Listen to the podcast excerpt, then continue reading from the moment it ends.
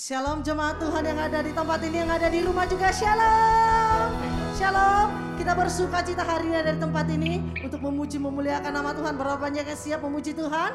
Sendang semuanya bangkit berdiri, kita mau berdoa terlebih dahulu. Terima kasih Tuhan buat anugerahmu, terima kasih buat kebaikanmu. Kau layakkan kami untuk masuk dalam hadiratmu Tuhan. Kau berikan kesempatan bagi kami untuk memuji menyembah Engkau biar Engkau disenangkan dengan pujian penyembahan kami dan biarlah kuasa mujizat Tuhan terjadi saat pujian penyembahan dinaikkan, saat firman-Mu disampaikan. Kami siap memuji Engkau, siap memuliakan Engkau. Yang siap memuji Tuhan bersama-sama katakan amin. Berikan tepuk tangan yang terbaik bagi Tuhan. Berapa banyak yang percaya Tuhan Yesus kita batu karang kita yang teguh dialah perisai hidup kita men. Yang percaya bisa bertepuk tangan bersama-sama. Kita sorakan hanya Yesus perisai jiwa kita.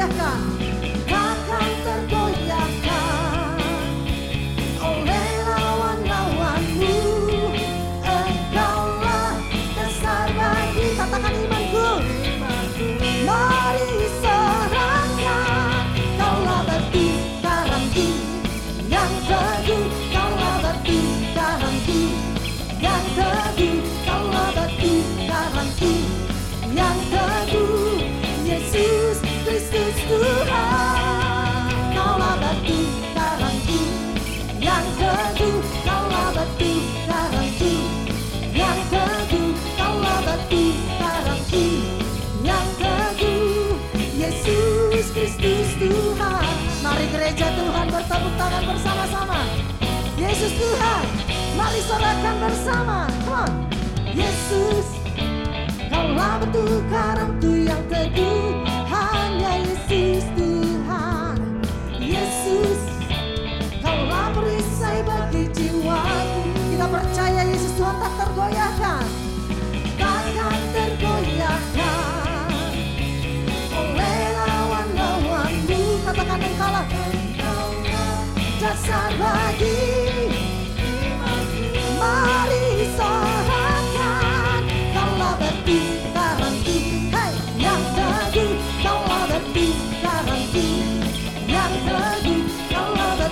karangku Katakan Yesus Kristus Tuhan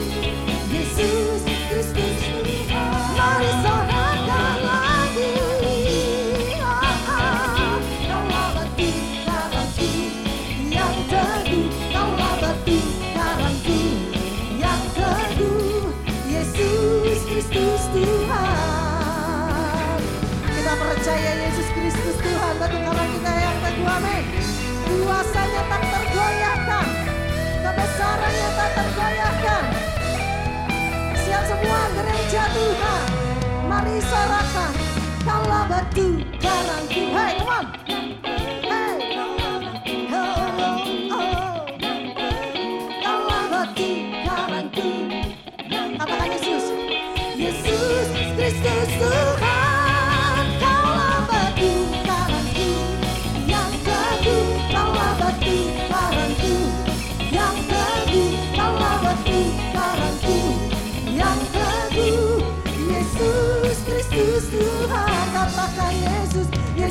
Yesus Kristus Tuhan.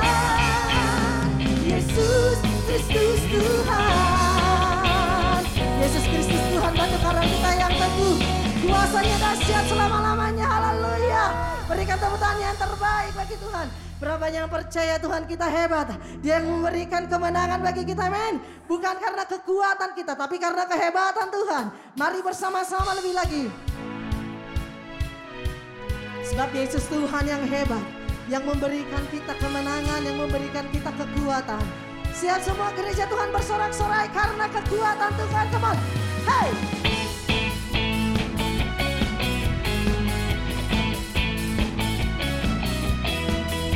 Kami bertepuk tangan bersorak-sorai karena Engkau Yesus Tuhan. Mari sorakan bersama. Kau yang hidup di dalamku menjadikanku lebih dari pemenang. Kami percaya seluruh bumi tinggikan namamu menyatakan kebesaran. Mari sorakan bersama.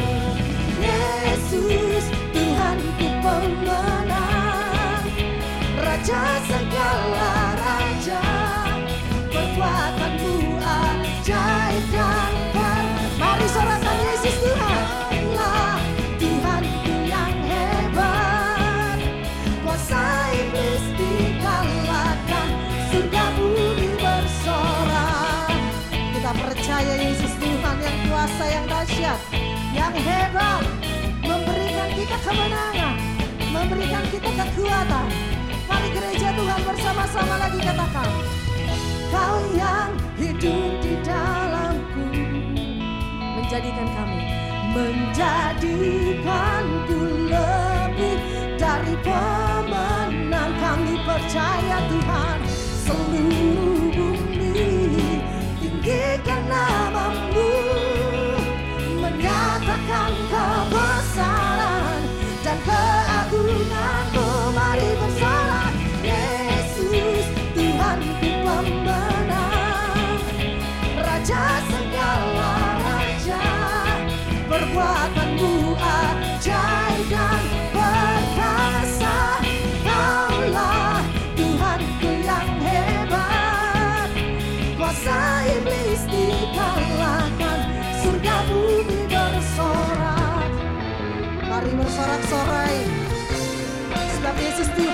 Raja di atas segala Raja men.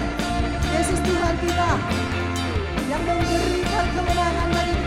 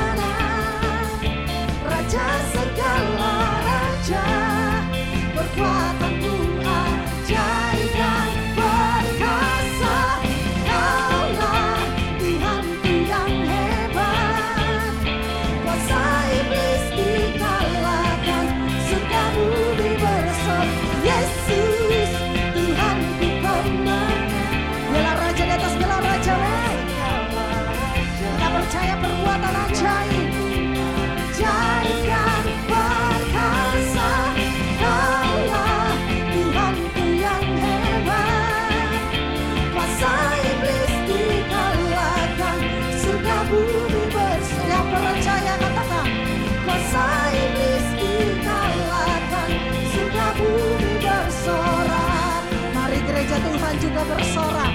Sebab kuasa iblis telah dikalahkan. Sebab Yesus Raja di atas segala Raja. Dia hebat, dia dahsyat. Haleluya, berikan tepuk tangan yang terbaik. Berapa banyak yang percaya? Tuhan kita Tuhan yang benar. Tuhan yang benar, amin. Dia yang memberikan kekuatan, dia yang memberi keselamatan. Kita tak pernah ragu mengiringi Yesus Sebab dia Tuhan yang benar. Amin, cuma Tuhan yang ada di rumah juga, amin bersama-sama kita sorakan bagi Tuhan. Katakan bersama. Kau gunung batuku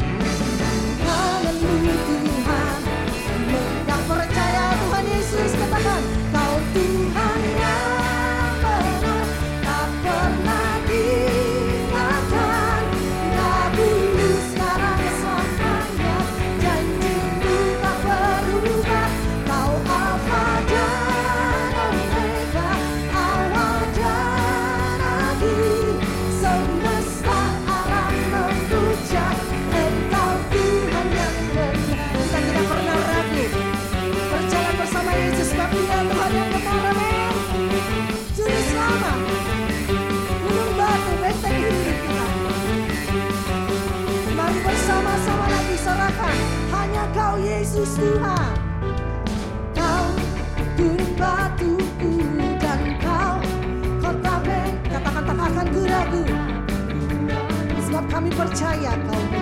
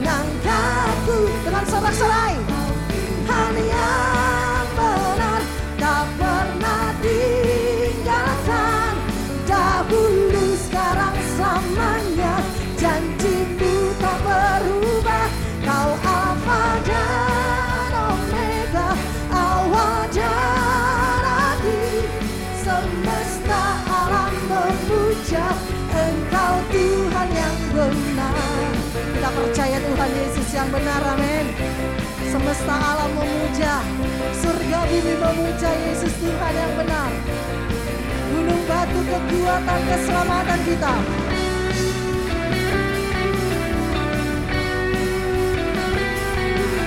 Percaya yang percaya Tuhan Yesus Tuhan yang benar. Katakan dengan iman percaya. Walau badai menerpa di dalam hidupku ini namun tanganmu Tuhan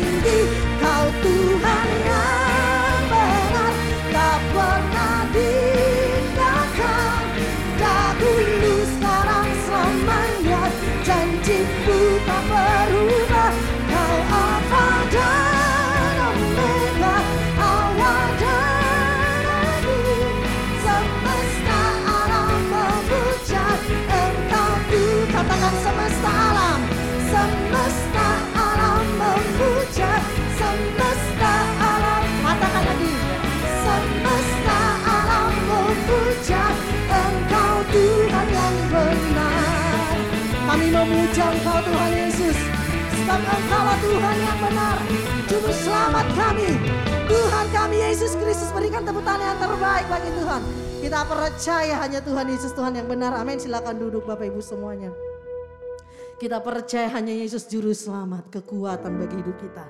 Alasan kita untuk percaya karena kita percaya Yesus Tuhan. Sanggup menyediakan, sanggup memberikan keselamatan bagi kita. Amin. Berapa banyak yang mau percaya Yesus adalah penolong dalam hidup kita. Dia menyiapkan, menyediakan apa yang kita perlukan. Saat kita lemah, kita hanya perlu Yesus untuk memberikan kekuatan. Saat kita sakit, kita perlu Yesus untuk memberikan kesembuhan.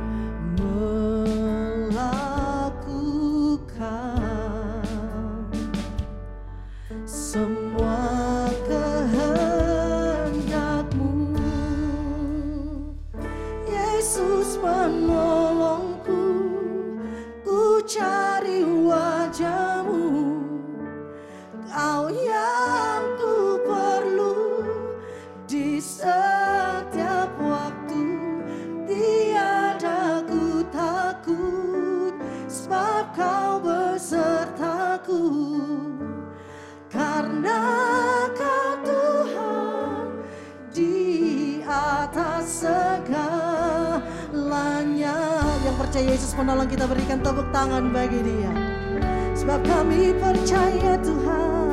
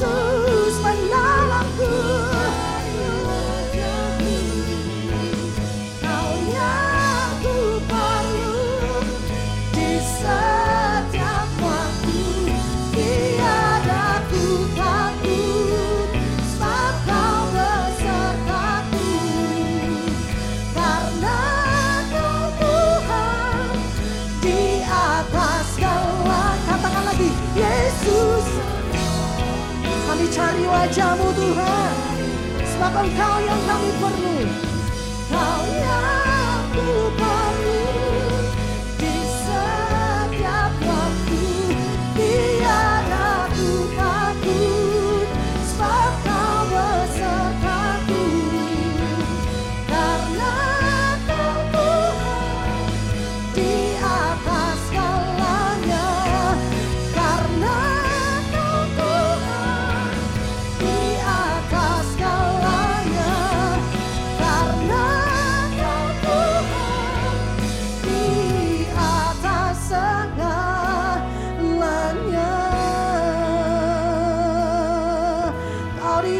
atas segalanya. Kau di atas hidup kami Engkau Yesus Tuhan. Mari sembah dia ya, Katakan engkau yang kami perlu Yesus Tuhan. Yesus Raja Engkau penolong kami juru selamat kami Kau yang kami perlu. Kau yang kami inginkan Haleluya. Mari gereja Tuhan sembah dia. Katakan hanya Engkau Yesus Yang kami percaya. Kau di atas hidup kami.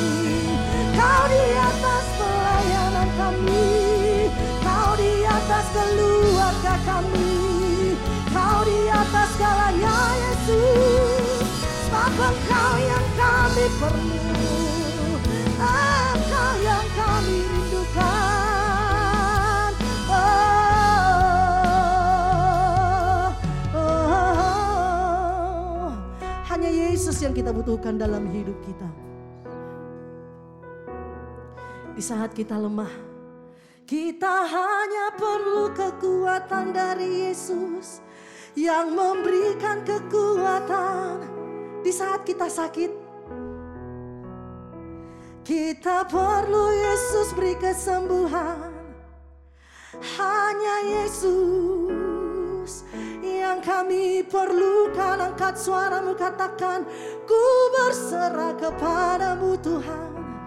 Ku berserah kepadamu Sebab engkau yang kami perlu.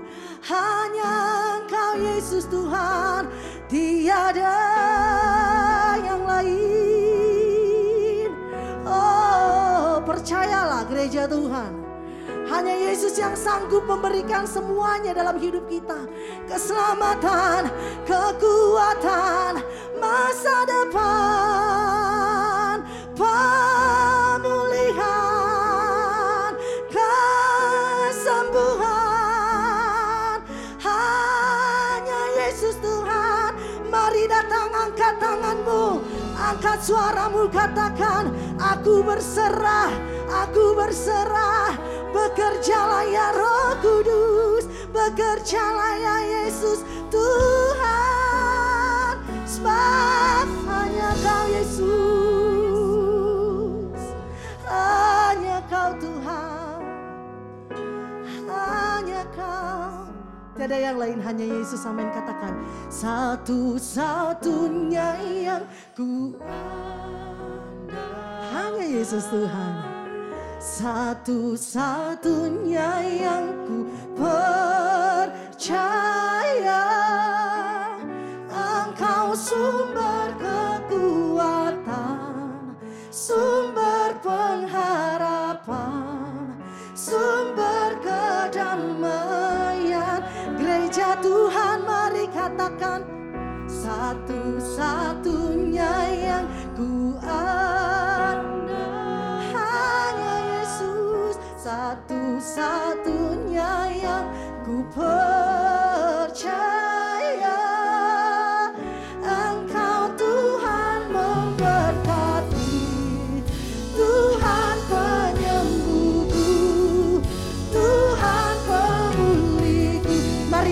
bangkit berdiri Sorakan satu-satunya. Satu-satunya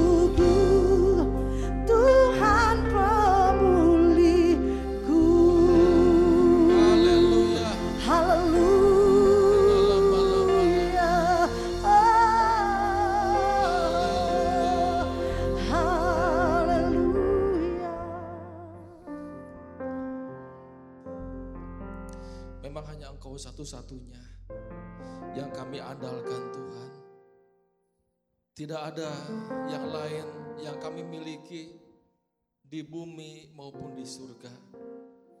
Hanya Yesus satu-satunya yang kami miliki. Tidak ada yang lain. Kami mengucap syukur Bapa, sebab Engkau telah mengerjakan keselamatan di dalam diri kami. Dan kami percaya Engkau akan terus bekerja sampai keselamatan itu menjadi nyata di dalam hidup kami. Engkau telah memberikan seluruh elemen-elemen untuk kami bisa menjalani iman kami untuk kami bisa menyelesaikan pertandingan ini. Kami bisa memelihara iman dan kami bisa menyelesaikannya. Dengan kami tetap teguh percaya kepada Tuhan Yesus Kristus.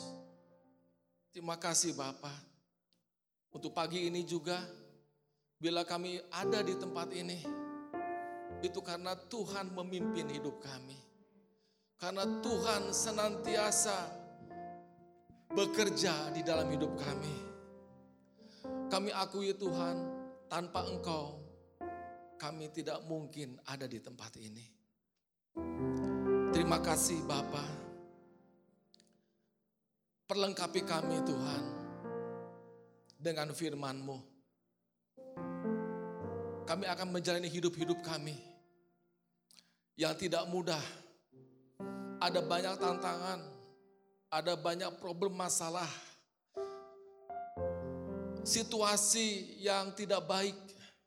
Ke depan juga kami akan lihat kondisi situasi yang semakin buruk. Ada banyak orang yang memprediksi keadaan akan semakin gelap tapi kami mengucap syukur, kami punya terang. Yesus terang dunia, Yesus terang hidup kami. Dan kami tidak akan takut untuk menghadapi hari-hari kami. Tuhan, berbicaralah Tuhan. Kasihani kami Tuhan. Karena tanpa firman-Mu, kami tidak akan kuat berbicaralah kepada kami. Sentuh kami, sentuh hati kami, pribadi lepas pribadi Tuhan. Terima kasih Bapa. Terima kasih dan urapi juga hambamu ini. Supaya hambamu ini bisa menyampaikannya dengan baik. Seperti yang Tuhan inginkan. Di dalam nama Tuhan Yesus, kami berdoa dan mengucap syukur. Sama-sama katakan, Amin. Haleluya. Ya, silakan duduk Bapak Ibu Saudara. Selamat pagi Bapak Ibu yang ada di tempat ini maupun yang beribadah melalui eh, live streaming. Hari ini saya atau pagi ini saya akan bicara tentang hidup bijaksana di masa krisis. Seperti yang tadi saya katakan memang tidak mudah untuk kita hidup akhir-akhir ini. Banyak orang juga yang meramalkan bahwa ke depan keadaan semakin sulit. Ekonomi, eh, sosial, bahkan tahun depan lebih parah lagi karena kita akan memasuki tahun politik. Ya. Enggak mudah memang, tapi kita harus juga menerima kenyataan ini. bahwa hidup ini tidak tidak mungkin tidak ada masalah. Amin. Ya, hidup ini pasti ada masalah. Selalu ada tantangan. Baik di dalam pekerjaan, di dalam e, keluarga, dalam hubungan, bahkan di dalam pelayanan sekalipun pasti ada tantangan. Tetapi kita tidak perlu khawatir, Bapak Ibu. Karena Tuhan sudah berjanji kepada kita bahwa dia sekali-sekali tidak akan meninggalkan kita. Amin. Dia sekali-kali tidak akan melupakan kita. Tuhan bilang, aku akan menyertai engkau sampai kepada akhir zaman. Dan itu janji Tuhan. Yang perlu untuk eh, kita eh, mengerti adalah kita harus bijaksana di dalam menghadapi masa-masa kelam atau masa-masa gelap atau masa-masa krisis yang ada di depan kita. Bijaksana itu tidak selalu bicara tentang kepandaian atau kecerdasan. Karena kita sudah tahu Bapak Ibu bahwa atau kita bisa lihat juga di media sosial. Ya, orang pandai tapi konyol. Betul? Ya. Orang yang merasa dirinya pinter tapi statementnya konyol. Ya. Jadi kita bisa melihat bahwa kepandaian tidak menjamin orang itu bijaksana. Nah, sebetulnya apa sih kebijaksanaan itu? Secara umum, bijaksana itu mempunyai arti kemampuan untuk melepaskan diri dari kesulitan atau liku-liku hidup. Jadi bijaksana itu kemampuan untuk kita bisa melepaskan diri dari apa? Dari problem, dari masalah, dari liku-liku hidup. Nah pagi ini kita akan belajar ada tiga ciri orang yang bijaksana. Saya ajak Bapak Ibu untuk baca di dalam Efesus 5 ayat 15 sampai ayat 17. Efesus 5 ayat 15 sampai ayat 17. Karena itu perhatikanlah dengan seksama bagaimana kamu hidup. Janganlah seperti orang bebal, tetapi seperti orang arif. Dan pergunakanlah waktu yang ada karena hari-hari ini adalah jahat. Sebab itu janganlah kamu bodoh. Tetapi usahakanlah supaya kamu mengerti kehendak Tuhan. Amin.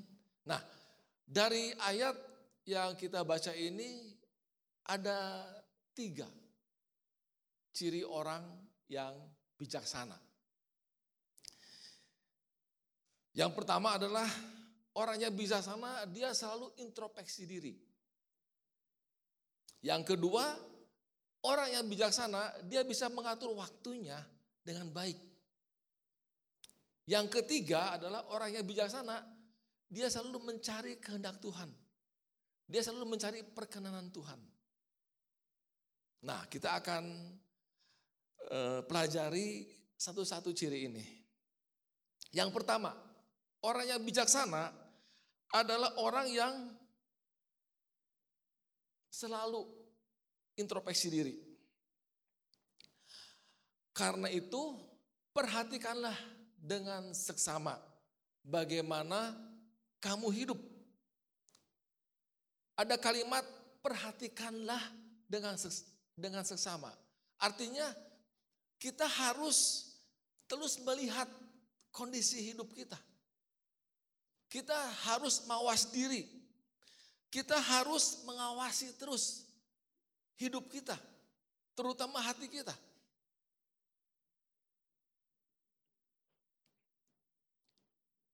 Karena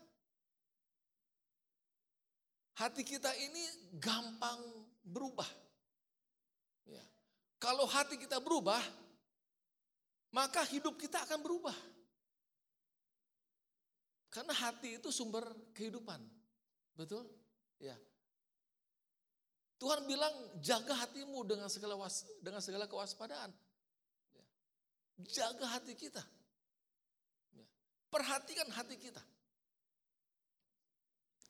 Coba kita renungkan. Waktu kita mendapat masalah. Faktor apa penyebabnya?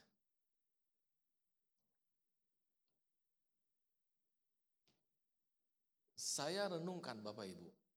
Waktu kita dapat masalah, yang paling utama adalah faktor hati. Ya, dari hati akhirnya kita melakukan hal-hal yang tidak bijaksana. Betul? Ya. Saya suka diskusi dengan istri dengan dengan anak saya. Ya, kalau kita dapat masalah, saya diingatkan Tuhan bahwa sebetulnya apa pun orang itu berbuat tidak baik kepada kita, pasti punya alasan. Ya. Esensinya adalah bukan tindakannya, bukan perkataannya yang menyakitkan, tapi di balik itu ada apa? Kami sebagai orang tua sering menasihati anak bahwa apa yang mama papa katakan itu baik buat kamu. Mama, papa menegur kamu itu bukan karena jahat, bukan karena benci, baik buat kamu. Tapi kadang-kadang orang yang menerima itu responnya salah. Dia tidak bisa menjaga hati. Dia tidak memperhatikan atau mawas diri dengan hatinya. Sehingga apa? Sehingga tindakannya, responnya itu tidak bijaksana.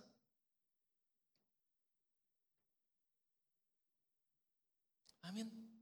Ya. Saya belajar lebih bijaksana Bapak Ibu. Ya. Saya memang e, masih belajar. Sampai saat ini umur saya masih sudah 60 lebih. Tapi saya masih terus belajar bagaimana sebetulnya hidup yang bijaksana itu. Ya. Firman Tuhan mengatakan begini di dalam Yakobus 1 ayat 5.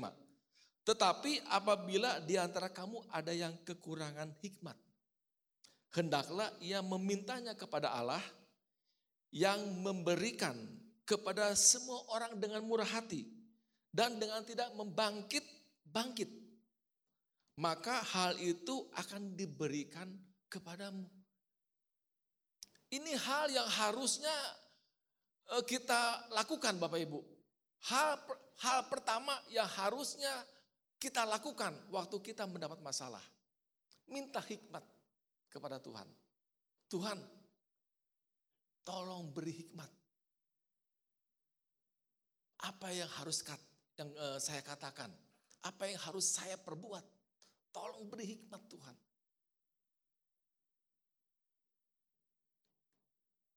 Dan Tuhan akan beri Bapak Ibu.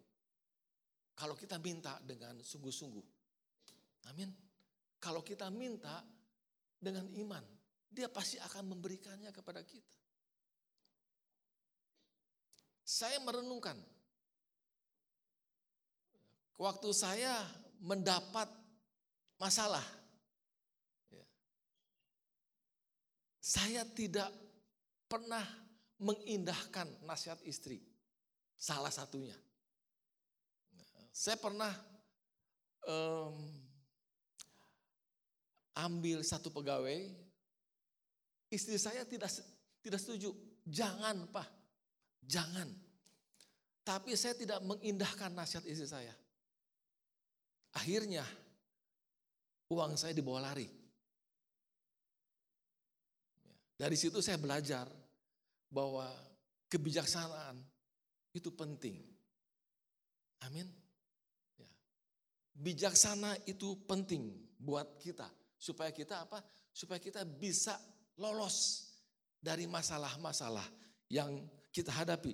Nah, sebagai anak-anak terang, kita harus menguji segala sesuatunya. Apakah Tuhan berkenan atau tidak? Di dalam Efesus 5 ayat 8 10 firman Tuhan berkata seperti ini. Memang dahulu kamu adalah kegelapan. Tetapi sekarang kamu adalah terang di dalam Tuhan. Sebab itu hiduplah sebagai anak-anak terang. Karena terang hanya berbuahkan kebaikan dan keadilan dan kebenaran dan ujilah apa yang berkenan kepada Tuhan. Sebagai anak-anak terang, kita harus menguji sebetulnya apa yang berkenan. Tindakan kita, perkataan kita, itu harus kita uji, Bapak Ibu. Orang yang bijaksana adalah orang yang selalu menguji segala sesuatunya. Orang yang bijaksana dia mawas diri. Dia selalu introspeksi diri. Dia selalu mengevaluasi dirinya. Apakah selama ini jalan saya masih tetap sesuai dengan kehendak Tuhan atau enggak? Sesuai dengan perkenanan Tuhan atau enggak? Nah, di ayat 15b dikatakan seperti ini, janganlah seperti orang bebal, tetapi seperti orang arif. Nah apa artinya orang e, bebal Bapak Ibu? Kitab Amsal mengatakan bahwa orang bebal adalah orang yang mengulangi kebodohannya. Atau dengan kata lain, sudah tahu salah, namun masih tetap dilakukan. Sudah tahu ada lubang di depannya, masih juga terperosok. Bukankah kita seperti itu Bapak Ibu? Seringkali mengulangi hal-hal yang bodoh. Jatuh pada lubang yang sama. Sudah tahu salah, tapi tetap kita lakukan.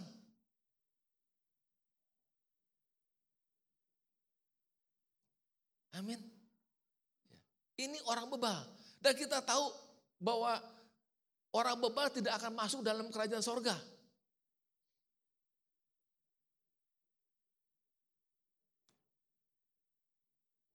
Coba kita cek, apakah kita seperti ini? Kalau kita seperti ini, maka kita harus bertobat. Amin. Jangan mengulangi hal yang salah.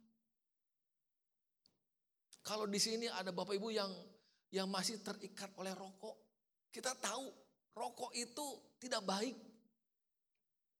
Kita tahu judi itu enggak baik. Kita tahu minum minuman keras itu enggak baik. Tapi kalau kita tetap melakukannya, kita orang bebal. Kita tidak percaya kepada Tuhan. Kita seperti orang yang tidak beriman. Markus bilang seperti itu. Orang bebal adalah orang yang tidak beriman. Dan kita tahu tempatnya di mana. Nah, bagaimana dengan orang arif? Orang arif atau orang bijak adalah mereka yang tahu bagaimana, bagaimana mengisi hidupnya dengan menggunakan waktu atau memanfaatkan kesempatan yang ada. Jadi orang arif adalah orang yang tahu mengisi hidupnya. Menggunakan waktu, memanfaatkan kesempatan yang ada. Itu orang yang bijaksana, Bapak Ibu. Coba cek lagi, apakah kita menjadi orang bebal atau kita menjadi orang bijaksana. Kita harus belajar untuk menjadi orang yang bijaksana. Amin. Jangan melakukan hal yang salah. Jangan mengulangi kesalahan kita. Hidup ini singkat Bapak Ibu. Pergunakan waktu yang ada untuk kita lebih dekat lagi kepada Tuhan. Nah, yang kedua Bapak Ibu, ciri manusia bijaksana adalah mengatur waktunya dengan baik. Dan pergunakanlah waktu yang ada. Karena hari-hari ini adalah jahat. Tuhan itu adil Bapak Ibu. Dia memberikan waktu sama dengan kita. Tetapi kalau kalau kita lihat hasilnya banyak yang berbeda. Dengan waktu yang yang sama, orang bisa mengerjakan 10 pekerjaan, ada yang mengerjakan lima pekerjaan, ada yang meng, ada yang mengerjakan hanya satu pekerjaan, atau ada yang tidak sama sekali. Yang membedakan apa sebetulnya Bapak Ibu? Yang membedakan adalah orang yang bijaksana. Dia akan mengatur waktunya dengan baik.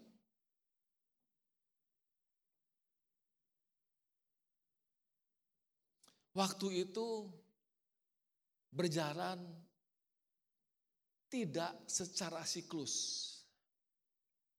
Waktu berjalan secara linier, Bapak Ibu. Maju terus, enggak pernah kembali. Jadi kita tidak bisa mengulang hidup kita. Kita tidak bisa mengulang masa-masa yang lalu. Kita tidak bisa hidup dengan masa lalu. Kita hidup dengan masa akan datang. Jadi Tuhan bilang pergunakan waktu itu dengan dengan baik. Ada momen-momen yang tidak bisa kembali Bapak Ibu. Kami setiap hari berdiskusi dengan anak. Meskipun anak saya eh, satu eh, ada di Jakarta. Setiap sore setelah pulang dari uh, dari kerja, kami selalu berdis, berdiskusi apa pun juga setiap hari. Kenapa? Karena momen ini nanti tidak akan bisa terulang lagi. Ya. Kita harus mempergunakan waktu kita dengan sebaik-baiknya. Jangan kita selalu bertengkar dengan istri. Karena waktu-waktu yang ada nanti akan tidak bisa terulang lagi. Kita akan hidup dalam penyesalan nanti.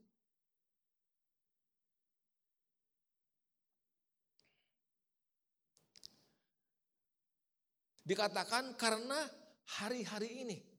Bukan bukan dikatakan karena hari karena nanti, hari nanti, bukan. Hari-hari ini adalah jahat Hari-hari ini adalah jahat Bapak Ibu. Apa artinya jahat? Dalam bahasa Yunani jahat itu adalah poneros. Artinya waktu yang penuh dengan bahaya bagi iman dan ketabahan kekristenan. Waktu yang penuh dengan bahaya bagi iman kita dan bagi ketabahan kekristenan kita.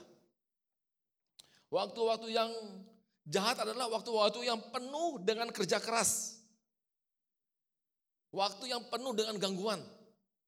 Waktu yang penuh dengan kesulitan, dengan bahaya, dengan kondisi buruk. Dan iblis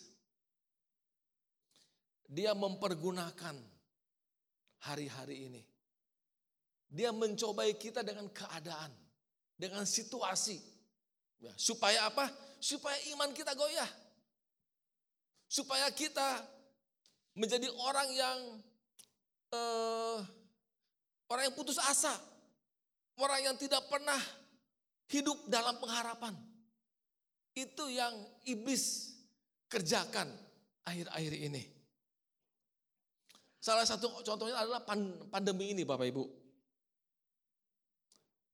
Kita lihat bahwa pandemi ini banyak orang tidak bisa ibadah, betul? Awal-awal pandemi, ya. Kita tidak bisa ibadah seperti sekarang ini. Tetapi coba kita perhatikan. Setelah kondisi semakin baik, orang itu merasa nyaman di rumah.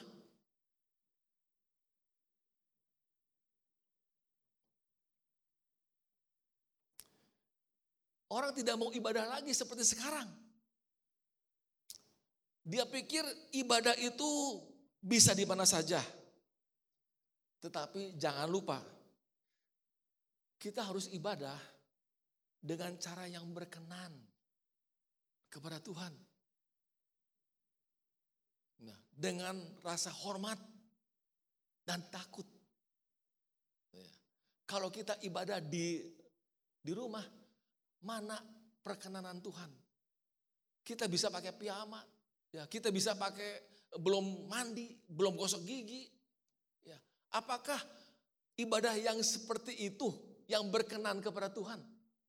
Sedangkan di dalam Ibrani 12 ayat 28, jadi karena kita menerima kerajaan yang tidak tergoncangkan, marilah kita mengucap syukur dan beribadah kepada Allah menurut cara yang berkenan kepadanya dengan hormat dan takut.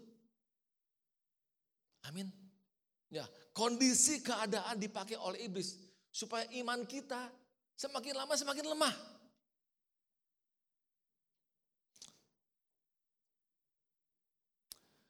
Kesulitan bisa membuat kita jauh dari Tuhan. Tetapi sebagai anak-anak terang,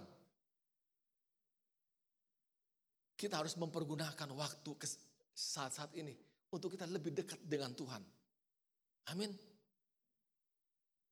Kesulitan harusnya kita per, kita pergunakan untuk kita bisa melihat pertolongan Tuhan. Kita bisa melihat mujizat yang Tuhan kerjakan di dalam hidup kita.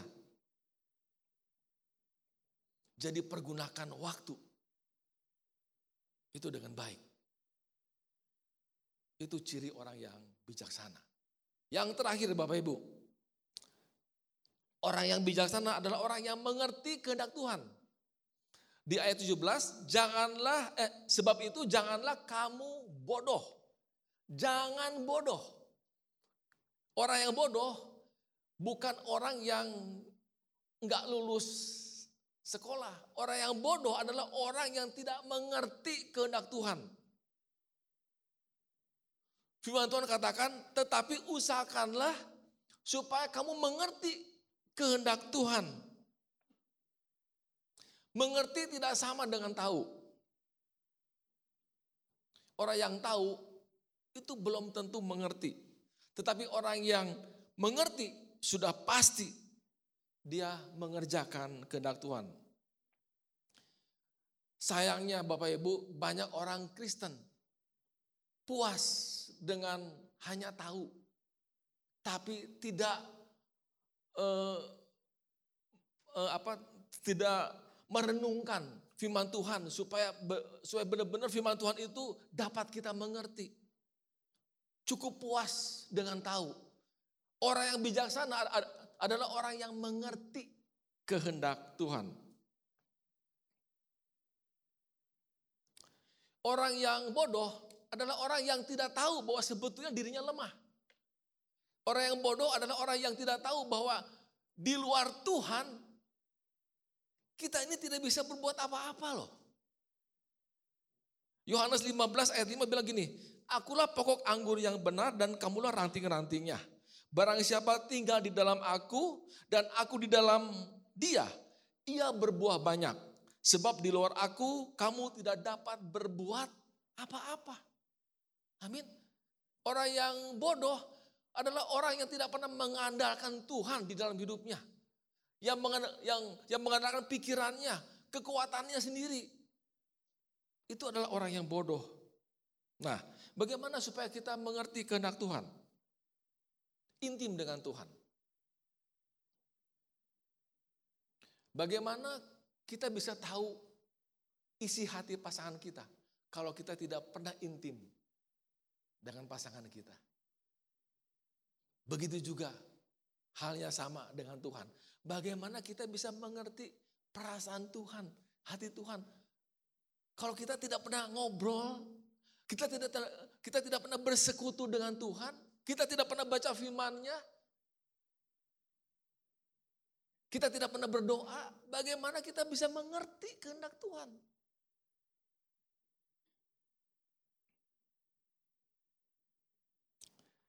Orang yang mengerti kehendak Tuhan adalah orang yang hidupnya tidak serupa dengan dunia. Amin. Ya, di dalam Roma 12 ayat 2 dikatakan begini, janganlah kamu menjadi serupa dengan dunia ini, tetapi berubahlah oleh pembaruan budimu sehingga kamu dapat membedakan manakah kehendak Allah, apa yang baik, yang berkenan kepada Allah dan yang sempurna. Orang yang bijaksana adalah orang yang selalu mencari kehendak Tuhan. Orang yang tidak mau hidupnya serupa dengan Tuhan. Amin. Persahabatan dengan dunia membuat kita menjadi musuh Allah.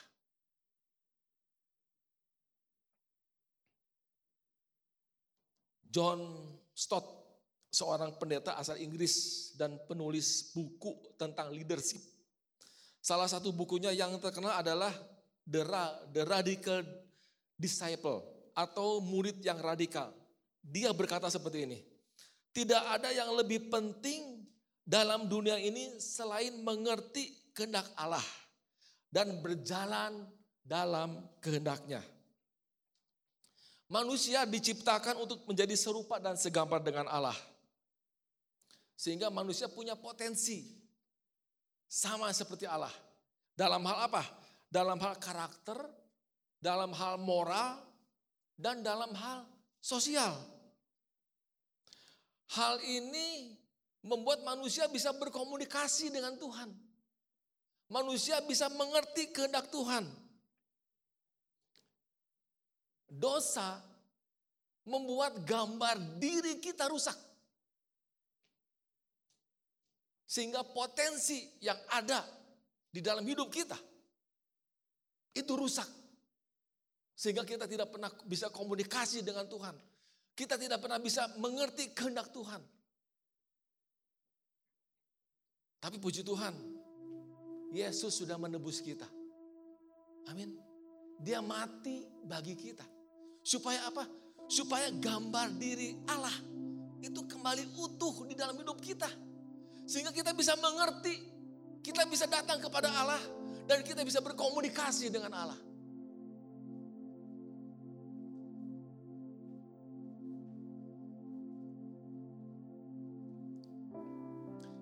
Bapak Ibu, mungkin di antara Bapak Ibu ada yang saat ini mengalami kesulitan, penderitaan, atau mungkin saudara mengalami khawatir menghadapi masa depan.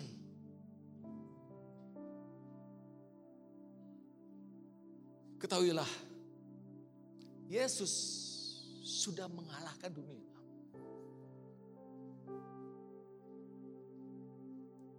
Dan kendali dunia ada di tangan dia.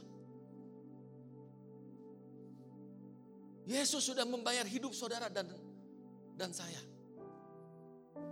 Sehingga hidup kita bukan milik kita lagi, tapi milik dia. Sehingga kita punya pengharapan dalam situasi apa pun juga. Milikilah hati yang bijaksana Bapak Ibu. Pergunakan waktu yang ada.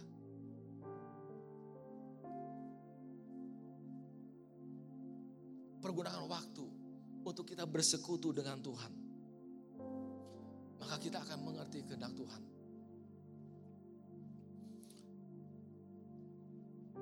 Dia akan memampukan kita untuk melewati masa-masa sulit ini. Amin. Biarlah firman ini bisa menguatkan, menyemangati kita, menjegarkan jiwa kita. Dan biarlah firman ini juga bisa memberkati kita. Setiap orang yang letih lesu dan punya beban berat. Ya, dihibur oleh firman Tuhan ini. Amin. Mari kita akan satu pujian ini.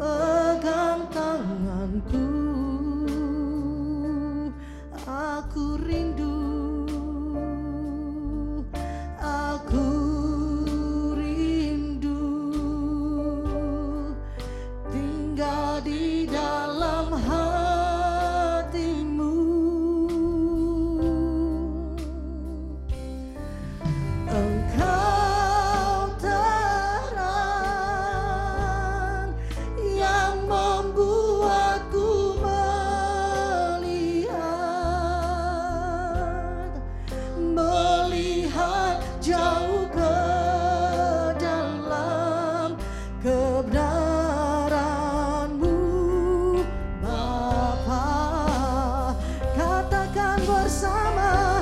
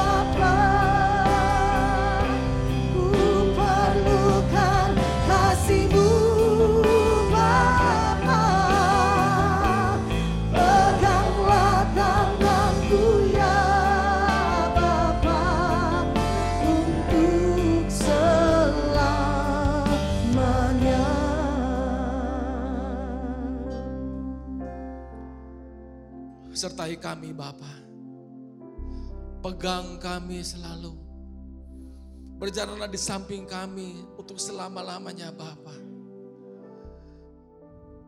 Kami butuh Engkau. Kami butuh Engkau ya Bapa. Terima kasih untuk firman yang sudah kami dengar ini Bapa. Kami mau berusaha untuk hidup bijaksana. Supaya kami bisa melewati masa-masa sulit ini. Dan kami percaya Tuhan, Engkau telah memberikan roh kudus ke dalam hidup kami. Yang selalu mengajar, menghibur, yang menguatkan kami.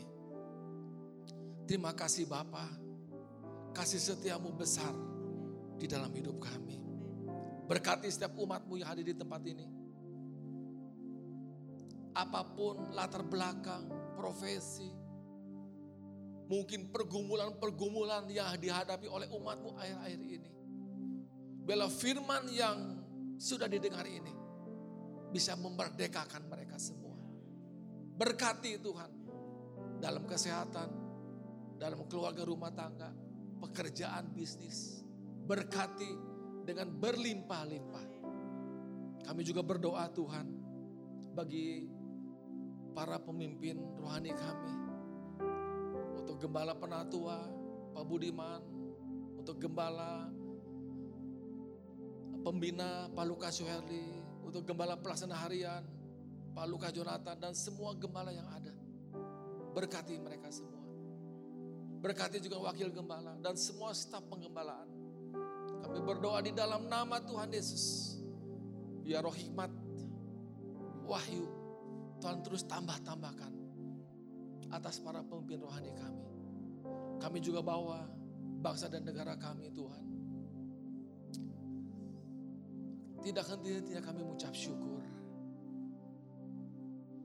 Sampai saat ini bangsa kami ada dalam keadaan yang aman, tentram, diberkati. Ada banyak negara yang mengalami resesi. Tapi bangsa kami masih tetap bisa berjalan dengan baik. Kalau bukan karena Tuhan, hal itu tidak mungkin terjadi. Oleh sebab itu Tuhan kami bersepakat bersatu kami minta. Berkati terus bangsa kami Tuhan.